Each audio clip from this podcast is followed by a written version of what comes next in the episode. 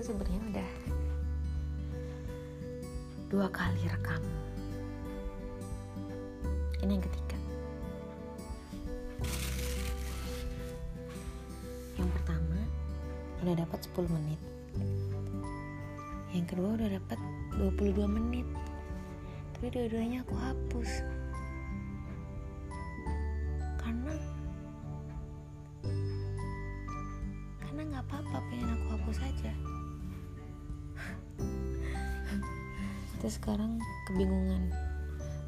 yang tadi atau mau bahas bahas hal baru. Tadi aku bahas apa ya tadi aku bahas vaksin terus uh, apa itu? Bahas cara cara mengembalikan energi yang habis. Karena apa sih marah-marah sedih-sedih gitu. Terus aku cerita apa lagi ya? Cerita Lalisa. Aku cerita. Enggak sih tadi nggak banyak-banyak banget ceritanya. Ya aku sekarang bingung mau cerita apa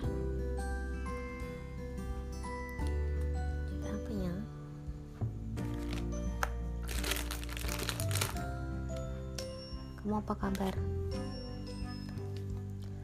Udah udah vaksin belum? Semoga udah semoga juga. Dilindungi sama Tuhan ya kita semua. Aku seneng deh uh, kurva-kurva udah eh kurvanya udah melandai terus data-datanya menurun. Terus biasanya masjid dekat rumah tuh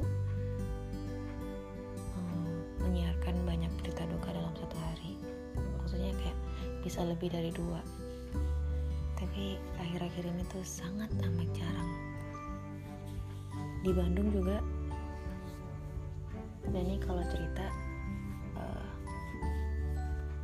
sehari itu bisa empat berita duka dari masjid. Sekarang katanya tapi udah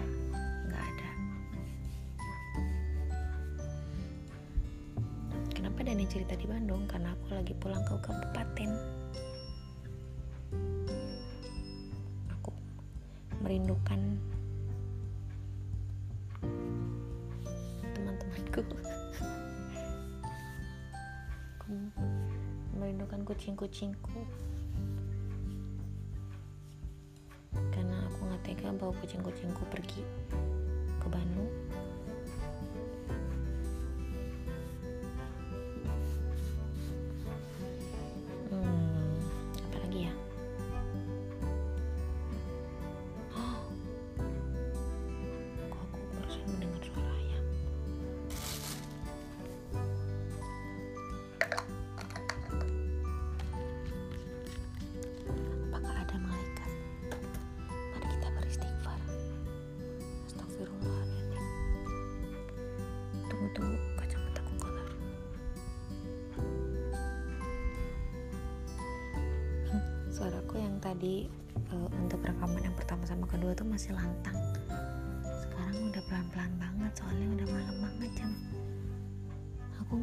jam 11 seperempat.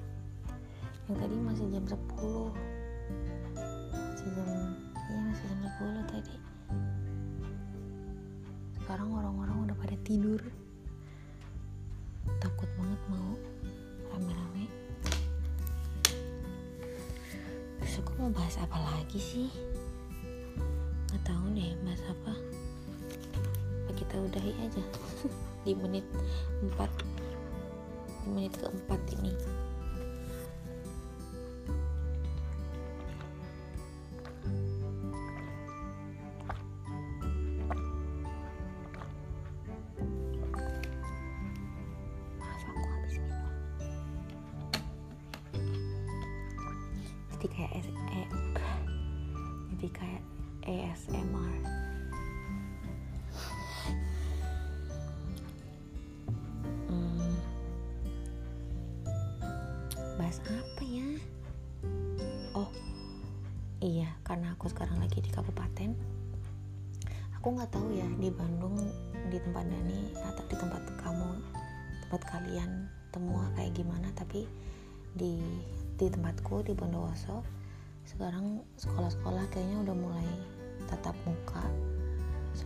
suatu waktu ada suatu waktu aku uh, pas di sepertiga awal tahun sepertiga awal tahun beli beli beli pecel gitu kan pagi-pagi. Jalanan masih sepi banget eh apa awal-awal tahun ya apa tengah tahun. Kayak tengah tahun deh kayak terlalu awal ya pokoknya tengah tahun aja itu masih sepi jalanan masih kayak suasana hari raya gitu. Masih cuma beberapa motor yang lewat. Terus sekarang eh nggak sekarang. Iya beberapa hari kemarin aku beli pecel lagi. Jam setengah 8 pagi. Rame banget jalanan udah. Anak-anak diantar sekolah orang-orang pada kerja. Kayak aku melihat kehidupan yang yang sebelum ini tuh terasa hilang gitu. Kayak muncul lagi harapan-harapan kecil. Sorry. Kayak muncul lagi harapan-harapan kecil. Setelah uh, dua tahun kayak terlihat nggak ada harapan. Jujur pas waktu awal-awal hmm, sebelum ada vaksin tuh ya aku udah kayak ya Allah apakah ini akhirnya? Gitu. Takut banget. Terus alhamdulillah vaksin ketemu. Meski dengan beberapa berita kehilangan.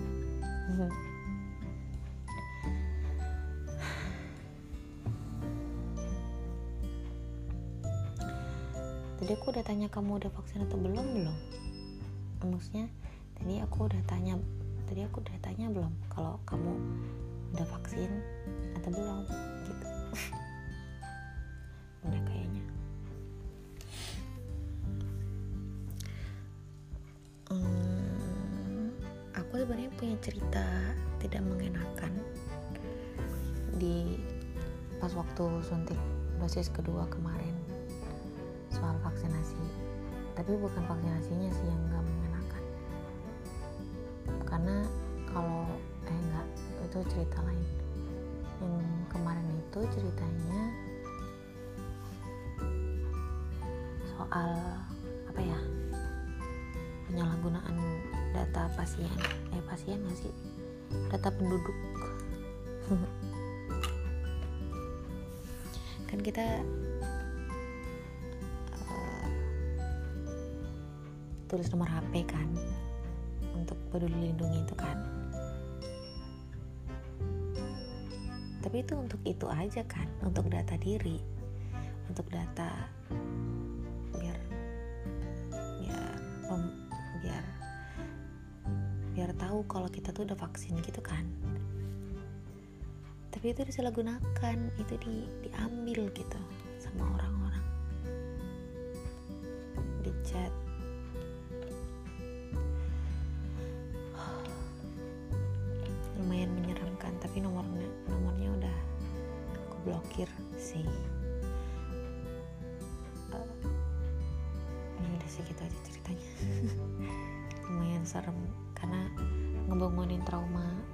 mas-mas asing yang zaman aku kecil dulu.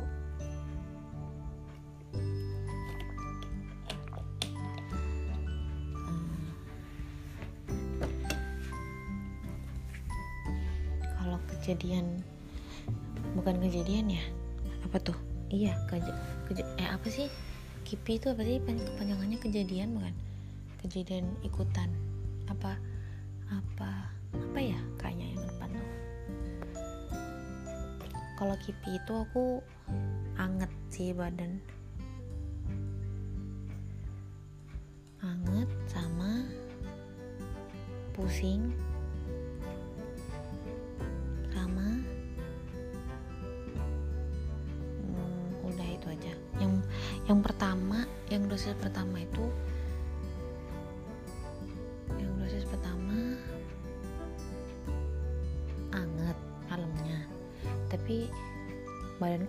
tapi aku ngerasanya dingin.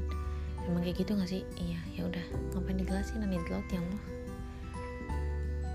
yang pertama anget malam terus aku minum paracetamol sama multivitamin. Terus besoknya udah seger. Nah dosis yang kedua. Aku udah pede banget kan karena paginya tuh sarapan tuh lumayan banyak. Terus aku minum multivitamin dulu sebelum berangkat. Jadi aku udah kayak pede banget gitu. Tidak taunya. wow satu setengah hari. Baru udah minum paracetamol. Uh, malam tuh baru ketahuan kan kalau hangat. Karena aku kedinginan. Aku waktu itu terus sama sama adik sama adiknya Dani. Terus uh, aku pegang dia kan. Aku anget nggak gitu? Aku iya katanya. Situ aku minta paracetamol. Gitu itu udah malam banget jam jam 11 gitu pokoknya mertua-mertuaku tuh udah pada tidur. Lampu-lampu udah pada mati. Uh, aku sama adikku cari paracetamol ke dapur.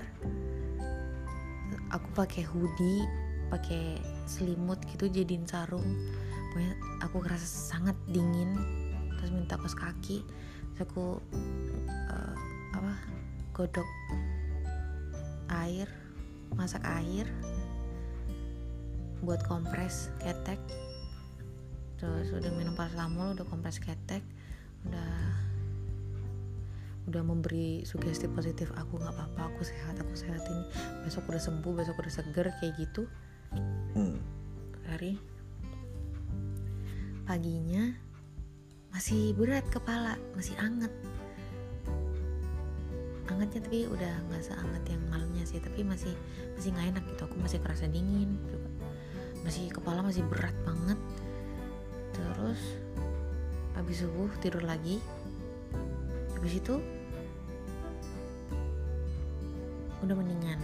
Terus aku beli pecel itu kan. Terus aku akhirnya tahu kalau uh, jalan jalan pagi sekarang udah ramai.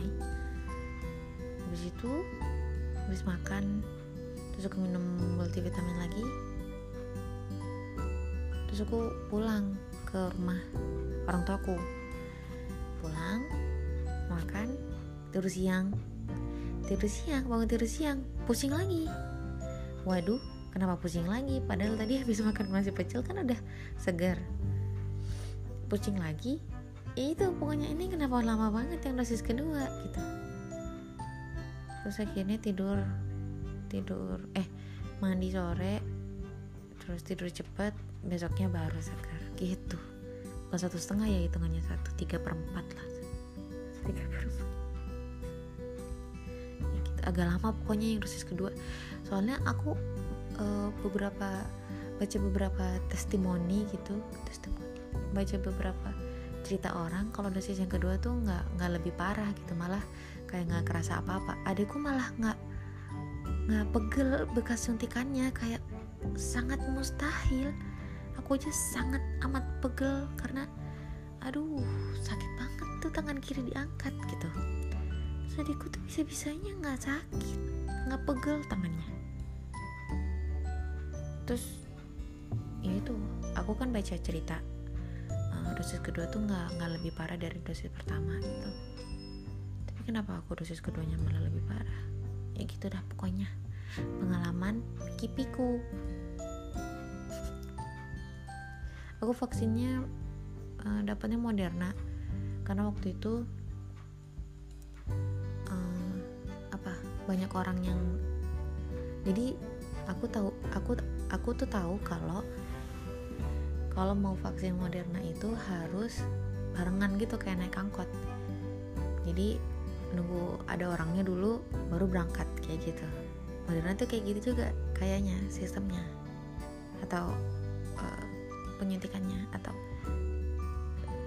ya gitunya. Nah pada saat itu Moderna tuh udah kebuka terus aku ditawarin mbak mau Moderna juga? Hmm, boleh gitu. Terus aku akhirnya dapat Moderna gitu.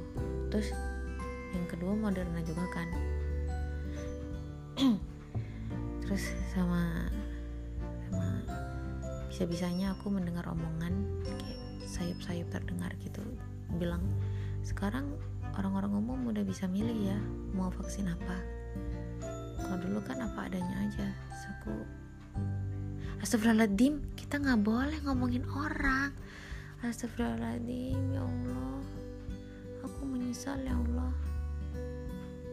Lebih baik kita ngomongin hmm, teletabis karena aku bisa baca artikel kalau mataharinya teletabis sekarang udah punya anak. Ya Allah. Tapi itu film dibikin zaman zaman mungkin dari beberapa tahun sebelum aku gitu ya. Karena tuh kan aku nonton Teletubbies pas SD gitu mataharinya masih masih bayi. Masa sekarang masa sekarang bayinya eh ba iya masa sekarang mataharinya udah punya bayi juga? Kan nggak mungkin. Masa dia nikahnya umur berapa kan di bawah umur nggak boleh tahun berapa sih Teletubbies tuh bikinnya? Kita cari dulu eh astagfirullahaladzim kaget banget. Kaget? Apa sih? Ya Allah. Apa? Aku mencari apa? Tahun pembuatan Teletubbies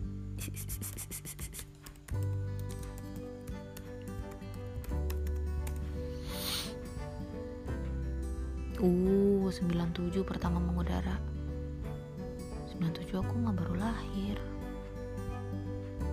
berarti SD tuh tahun berapa sih? Tahun 2002 kelas 1 kelas berapa ya? Kelas 3 kelas 4 gitu 2005 2006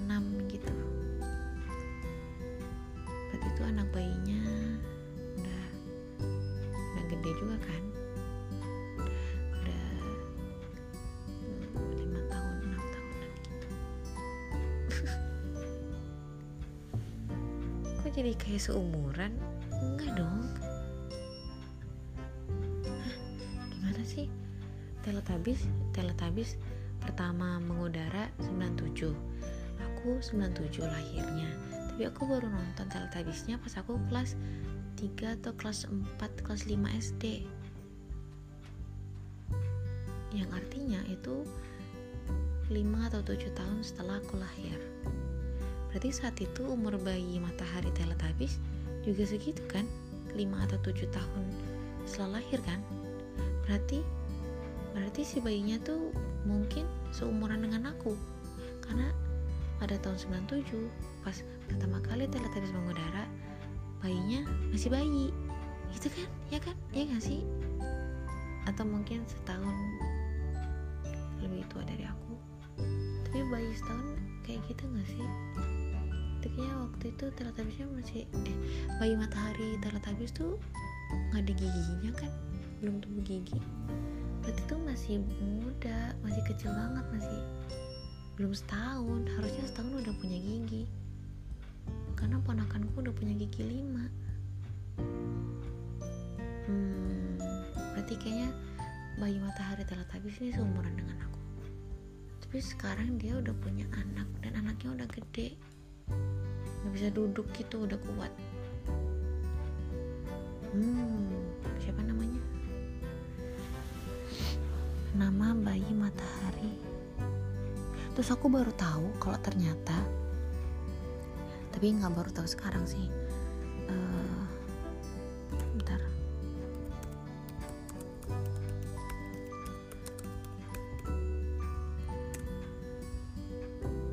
Jasmine Jasmine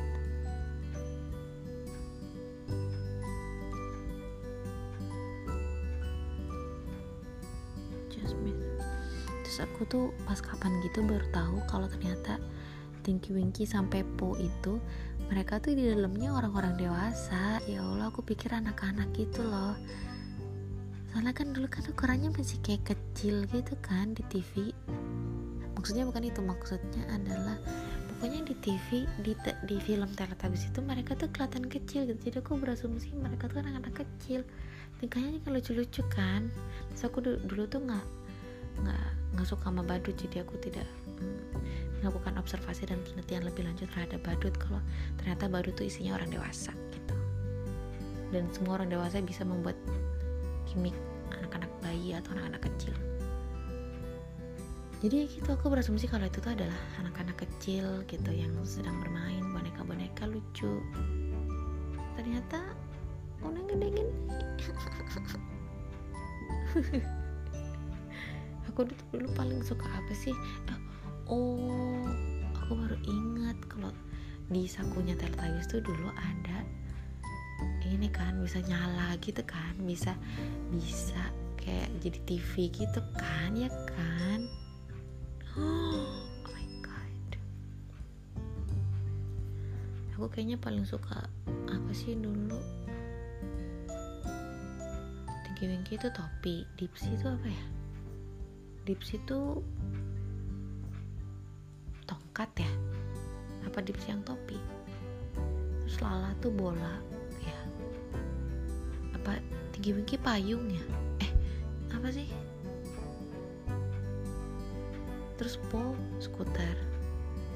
Tinky Winky yang pakai topi itu siapa sih? Yang pakai topi kayak topi Patarno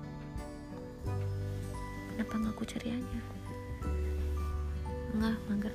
Iya deh nggak apa-apa. Tinky Winky Tinky Winky ini ngapain ya dia tuh?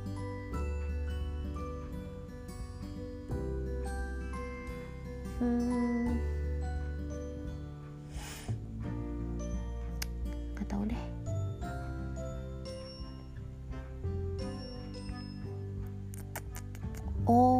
Winky tuh red bag. Ya bawa-bawa tas gak sih ini ya? Iya ya? Iya kayaknya. Si Dipsy yang pakai topi karena dia tiangnya cuma satu. Tapi masa Tinky Winky pakai bawa tas sih dulu? Aku nggak inget emang Tinky Winky perempuan? Membawa tas merah? Terus Dipsy apa? Laki-laki tapi warna hijau. Dan imut-imut. Po ini apa? Lala pasti perempuan lah ya kan namanya Lala. Terus Po Po lucu banget lagi ya Allah. Po cowok apa cewek? Dan Kiwiki aku pikir cowok. Karena dia kan tinggi gitu posturnya kan jadi kayak kakak gitu kayak big brother lucu banget tuh mereka tengil-tengil ya Allah. Tengil-tengil banget. Masa kecil yang indah. Terus aku tuh dulu masih kecil jadi ayahku tuh dulu beli mikrofon sama VCD player. Terus nyanyi-nyanyi tuh aku. Terus aku dulu bisa-bisanya nyanyi apa itu? Apa sih? Bentar. Lagunya lagunya dulu sulis tuh lagunya sama siapa sih dulu? Bapak, bapak tuh?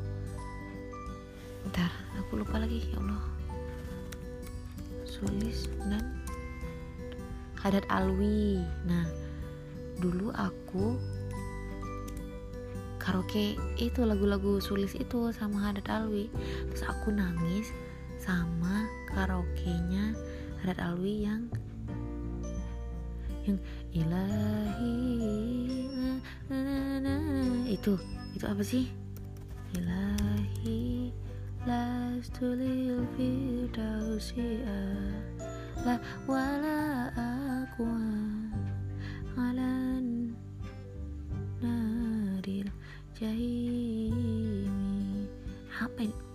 iktiraf bener.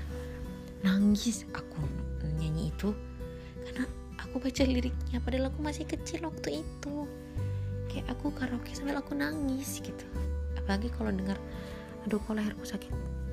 Apalagi kalau aku dengar suara aslinya. Maksudnya kalau dengar lagu aslinya yang tanpa karaoke gitu. Ya Allah sedih banget kan? Ya kan? Sedih banget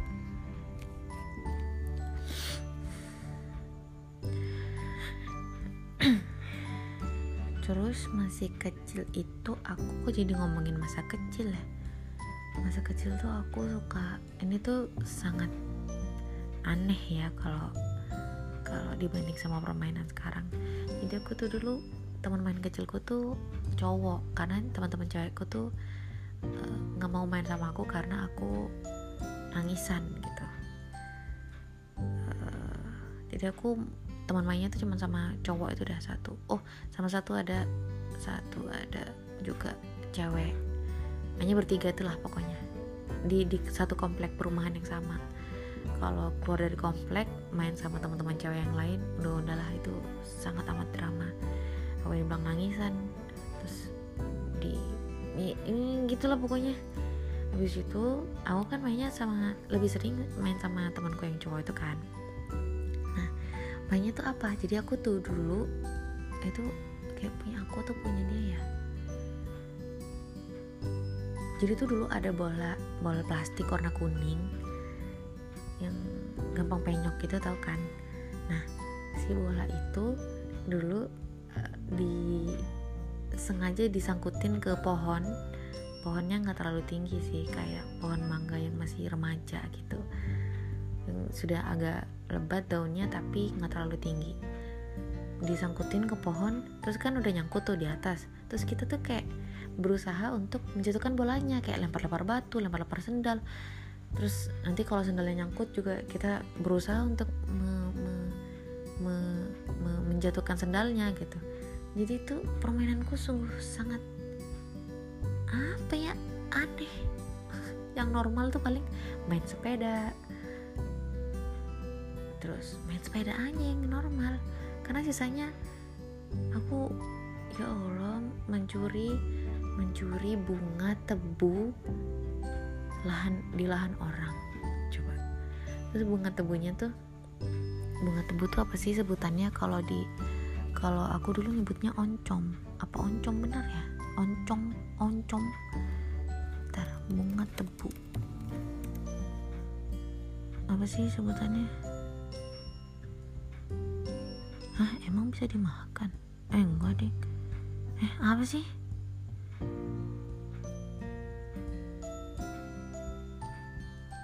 Bunga bunga pohon tebu bunga pohon tebu. Nah ini apa namanya ini?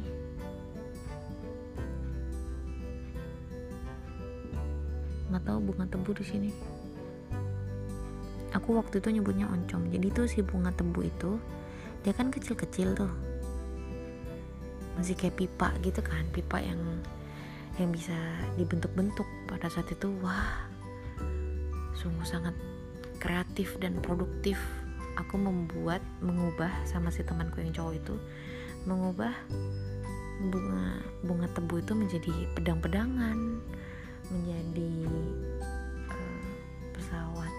pesawat terbang gitu kalau aku nggak salah inget tapi nggak bisa terbang ya cuma cuma dirangkai aja.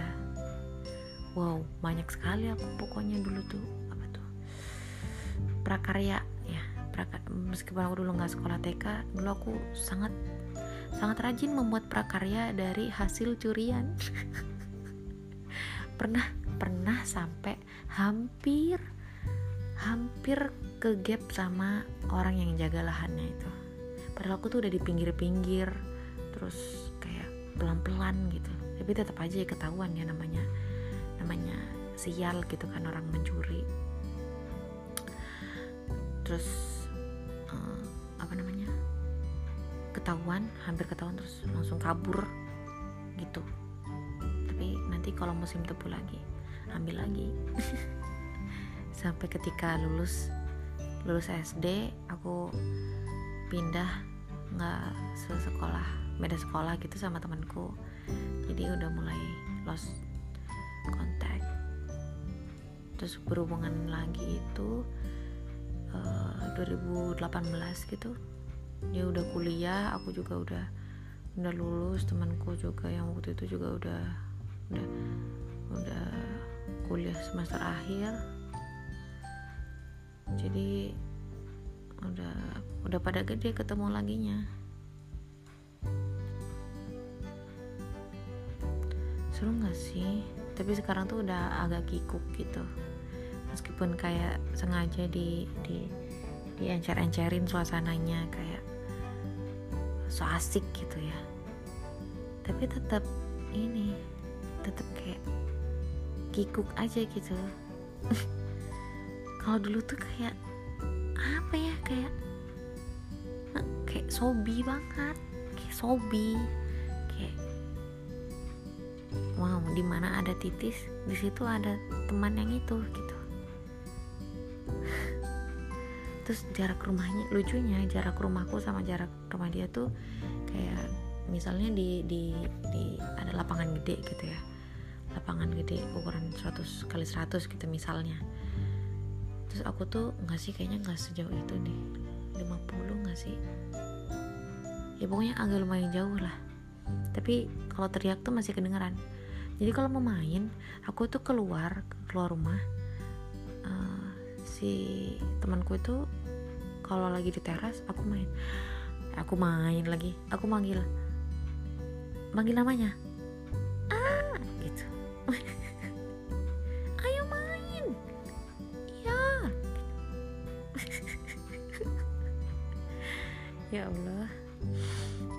habis itu nggak bisa ini juga.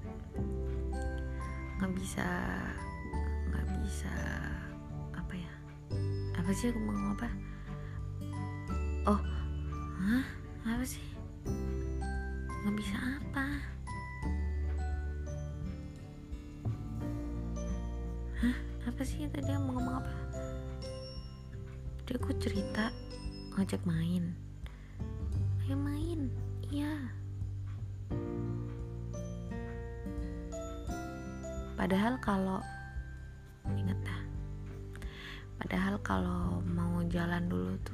bisa gitu nyamperin dulu. Tapi kan jauh ya kayak nanti aku udah jauh-jauh jalan ke sana terus tiba-tiba dia nggak mau main dan disuruh tidur siang sama ibunya kan aku harus balik lagi ke rumahku kan agak jauh gitu. Jadi teriak-teriak. Nggak ada handphone juga nggak ada telepon rumah. Aku tuh baru pakai telepon rumah pas di rumah di rumah Mbak Putri almarhumah. Ada telepon rumah wow. Abis itu kan pindah bukan pindah. Ya beralih ya temannya ya. Terus aku uh, berteman sama tetangga. Tetangganya tuh kayak dempet dempet rumah eh, dempet dinding belakang gitu. Bener-bener di belakang rumahku gitu. Tapi dia mau main karena sama-sama ada telepon rumah telepon. Halo dek dek siapa ya hmm, yang tadi aku nggak sebut nama sih. Ya udahlah aku nggak sebut nama lagi. Tapi aku pengennya dia tuh adek uh, halo dek ini ada. Ada dipanggilin. Terus halo gitu kan. Mau main nggak? Ayo. Tapi mainnya tuh kayak cuma aku ke rumahnya dia ke sini aku rumahnya dia ke sini. Gitu doang tapi harus pakai telepon rumah karena ya itu tadi daripada aku udah jauh-jauh ke rumahnya terus ternyata dia tidur kan? Aku udah jauh jalannya gitu walaupun deket sih tapi ya jauh lah. Jadi gitulah pokoknya tuker-tuker binder. Ya Allah tuker-tuker binder. Terus itu mainan sampai sampai kelas berapa ya? SMP kayaknya udah jarang deh. Hah? iya kayaknya. SMP mana sih dia dulu? Pokoknya SMP makin SMA makin nggak nggak ketemu ketemu kuliah makin ketemu temu sampai sekarang udah udah nikah. Terus dia udah kerja kayak nggak percaya kayak oh, kok cepet kok cepet banget gitu. Kalau kan kalau ibu-ibu lagi rewang gitu kan kadang tante yang di rumah di rumah tetanggaku itu teman mainku suka kumpul gitu kan ketemu aku gitu misalnya. Terus aku tanya dek itu uh, kerja di mana sekarang? Gitu. Di situ. Oh nggak kerasa ya sudah kerja. Terus ingat masa-masa kecil dulu tuh sangat-sangat indah. Aku sama sekali tidak menyesali masa kecilku. Ada sih yang aku sesali pas SMP tapi itu bukan bukan masa kecil lagi ya. Jadi pas pas pas SMP aku bawa sepeda sepeda keranjang gitu sepeda sepeda kayu sepeda ontel. Terus itu ada ada kuncinya kan kunci kunci setirnya gitu kan. Eh kunci setirnya atau kunci apa sih waktu itu? Atau kunci kunci nggak tau pokoknya aku pegang kunci pokoknya pada saat itu. Jadi sepedaku tuh selalu dikunci tiap tiap sampai sekolah. Nah suatu waktu pas sudah jam-jam terakhir mau pulang aku tuh ke toilet pipis. Terus si ya ngapain aku bilang juga ke toilet ngapain ya? Ya Allah nanitlot terus si saluran pembuangan air itu nggak nggak ada saringannya. Jadi jadi uh, entah gimana pokoknya kunci itu terjatuh. Terjatuh. Aku nggak sadar. Terusnya dia tuh masuk ke saluran itu saluran saluran air itu. Terus aku langsung kebingungan gimana nih pulangnya? Aku terus itu mau jalan dari sekolah ke rumah tuh jauh banget. Kayak jauh banget. Berapa berapa jauh ya? Dua dua kilo atau tiga kilo gitu. Kayak lumayan kan tuh kalau muterin alun-alun tuh udah sangat gerah tuh berapa kalori ter, ter, terbuang. Sorry sorry sorry sorry sorry. Uh, terus pulang-pulang aku nangis kan. Terus ditanya sama sama ibu kenapa nangis? Kuncinya hilang gitu aku bilang. Lo nggak apa-apa. Nggak apa-apa ya udah nanti diambil sepedanya nanti dibuatin kunci lagi. Aku tuh pada saat itu merasa merasa aku tuh kayak anak nakal gitu ngilangin kunci kunci sepeda gitu kan. Ya Allah kayak kenapa aku sangat tidak bisa menjaga kenapa aku sangat teledor gitulah pokoknya aku marah gitu sama diriku sendiri. Itu kenangan-kenangan lucu dan dan menyebalkan di masa-masa tumbuh. Tapi sering aku tuh kayak gitu teledor kayak lupa bawa apa gitu lupa bawa apa. Jadi tuh nggak nggak jarang aku uh, pas sudah sampai sekolah udah mulai pelajaran aku lupa bawa buku buku apa gitu buku pelajaran. Terus aku minta tolong ayah atau ibu padahal padahal pada saat itu ayah juga pergi ke sekolahnya gitu kan. Aku telepon ngechat gitu. Bukuku tinggalan tolong nganterin gitu enggak sih waktu itu belum terbiasa ngomong tolong. Bukuku ketinggalan di rumah buku ini buku ini. Dan enggak enggak satu dua kali juga aku kena marah. Di disiapin dulu dari malam gitu. Iya tapi biasanya terulang lagi gitu. Kenakalan kenakalan. Lucu. Terus apa lagi ya oh my god aku tuh pernah jadi kayak pagi banget berangkat sekolah. Aku tuh alasannya piket tapi aku ketemu sama gebetan aku. Jadi aku diantar waktu itu diantar karena kayaknya habis dari habis tragedi kunci hilang itu aku malah diantar jemput gitu kan. Terus pas diantar pagi-pagi kok pagi banget? Ya aku piket. Ya lo padahal piket tuh kelasnya nggak kotor-kotor banget. Kenapa aku pagi banget tuh berangkatnya jam kan jam 7 mulai pelajaran. Jam 6 kayaknya aku berangkat waktu itu tuh. Pagi pokoknya tahun jam 6 lewat sedikit.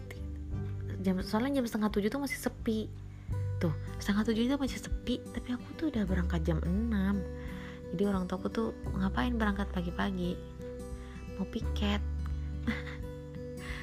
Terus habis itu sampai di sana gebetan gebetan itu juga datang pagi gitu. Terus ya gitulah chill berdua di depan kelas mengobrol. Ya Allah memalukan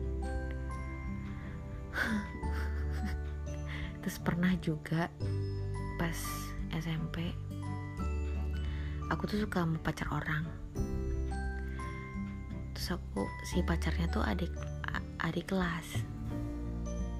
Terus ya Allah pulang-pulang. Pada saat itu aku posisinya udah kelas 9 gitu artinya tuh maksudnya aku udah nggak punya kakak kelas lagi gitu. Jadi kalau jalan di jalan pulang sekolah. Oh ya aku juga sempat tuh pulang sekolah jalan kaki ya. Mm -mm. jadi kalau jalan pulang sekolah jalan kaki uh, ngerasa apa sih nggak nggak ada sukan-sukanan gitu lah karena semuanya itu ada di kelas gitu kan. Terus ada suatu waktu ketika mungkin si pacarnya tuh tahu kalau aku suka sama pacarnya gitu ya. Terus di tempat beli-beli jajan gitu aku dicegat. Kamu jangan suka sama pacar aku dong gitu. Pokoknya aku dimarah-marahin gitu ya Allah. Serem banget. Pernah lah aku tuh kayak gitu tuh momen-momen momen-momen yang yang aku kira aku tuh uh, akan menjalani kehidupan yang yang diam-diam aja yang tenang yang tentram gitu. wah tentu tidak. Banyak sekali momen-momen yang memalukan. Ya Allah tuh dilabrak adik kelas tuh malu banget sih. Ya tapi aku nggak nangis nggak nangis. Karena aku nggak merasa ngerebut aku cuma suka gitu. Terus kebetulan aku sama si si inceranku itu si pacar orang itu juga sekelas jadi gitu deh if you know what I mean. Astagfirullahaladzim jangan dicontoh ya adik-adik.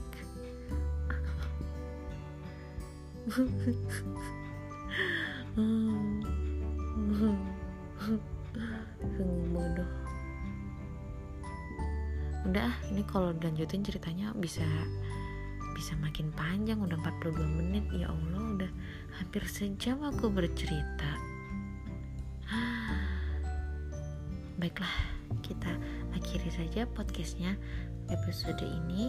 Episode ke berapa ternyata aku udah banyak menciptakan episode-episode podcast. Oh my god. Hmm, terima kasih sudah hmm, berantusias atau tidak berantusias mendengarkan podcastku.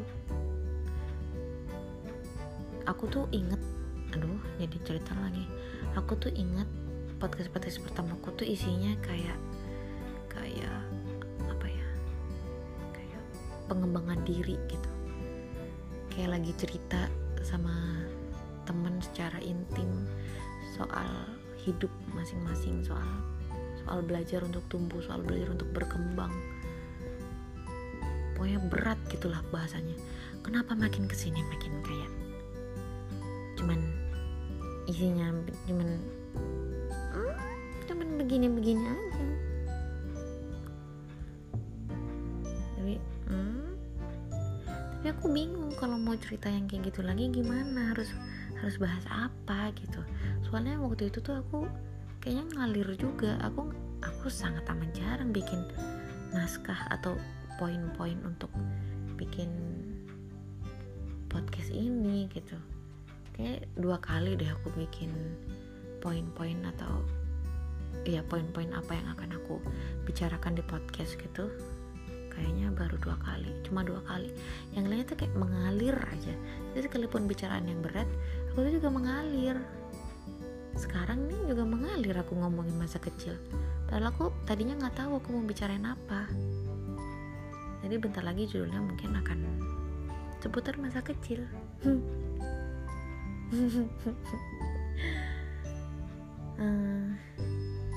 udah gitu aja. Terima kasih. Sampai ketemu di sampai ketemu. Hmm, iya nggak apa-apa deh. Walaupun nggak ketemu sampai ketemu di episode yang lain. Bye bye uh ternyata ada ininya maksimal rekaman waktunya rekaman waktu maksimal waktu maksimal untuk merekamnya tuh cuma 60 menit. Tapi untuk satu segmen apa untuk banyak segmen? Nggak tahu. Jadi nggak boleh lebih dari 60 menit. Tapi ini udah 45 menit tuh udah udah banyak banget bro. Orang bisa bosan di tengah jalan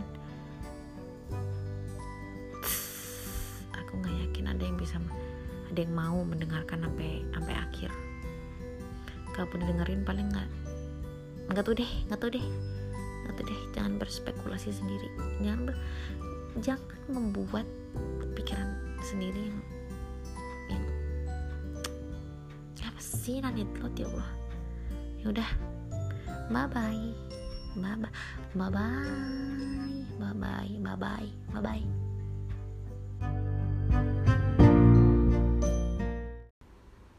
Hai geng. Uh, Ini mepet maghrib jadi aku mau cepet-cepet aja. Kayak kurang 10 menit atau 5 menit lagi deh. Tapi kalau bentar lagi sudah ada salawat tarhim aku lanjutin nanti malam. Jadi uh, aku mau bahas soal arti dari sebuah karya. Mak atau maksud gitu beberapa kali aku ditanya sama seorang temen kamu uh, apa kalau nulis puisi itu aku kadang nggak ngerti katanya gitu. Artinya apa sih? Kayak gitu. Terus aku bilang uh, dulu aku pas masih kecil di bentar diajarin sama ayahku kalau aku dulu kan suka gambar jadi dari kecil tuh dikasih tahu sama ayahku kalau seni itu bebas. Jadi nggak ada yang salah nggak ada yang benar. Semua bagus gitu semua cantik. Terus uh, semakin besar semakin besar. Kalau lihat karya-karya abstrak gitu di museum atau di pagelaran seni aku selalu kayak apa ya? Hmm, apa sih namanya? Kagum gitu kagum kayak bagus seni-seni gitu. Meskipun aku nggak tahu artinya apa aku menikmati itu gitu. Dan aku menulis juga kayak gitu. Aku membaca puisi-puisi orang juga kalau aku nggak ngerti ya udah pasti si si orangnya tuh si penulisnya juga punya punya arti di balik karyanya kan gitu.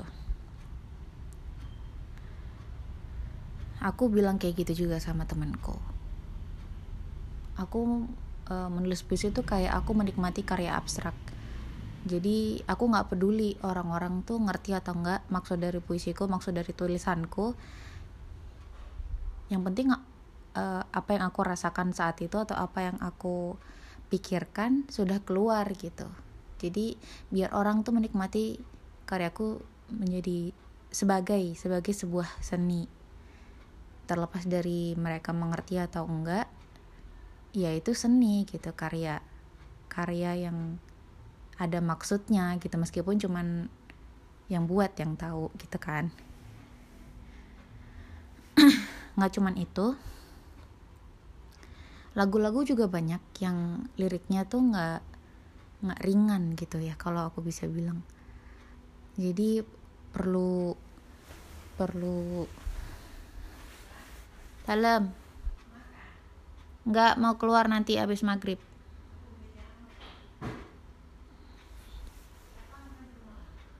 Akulah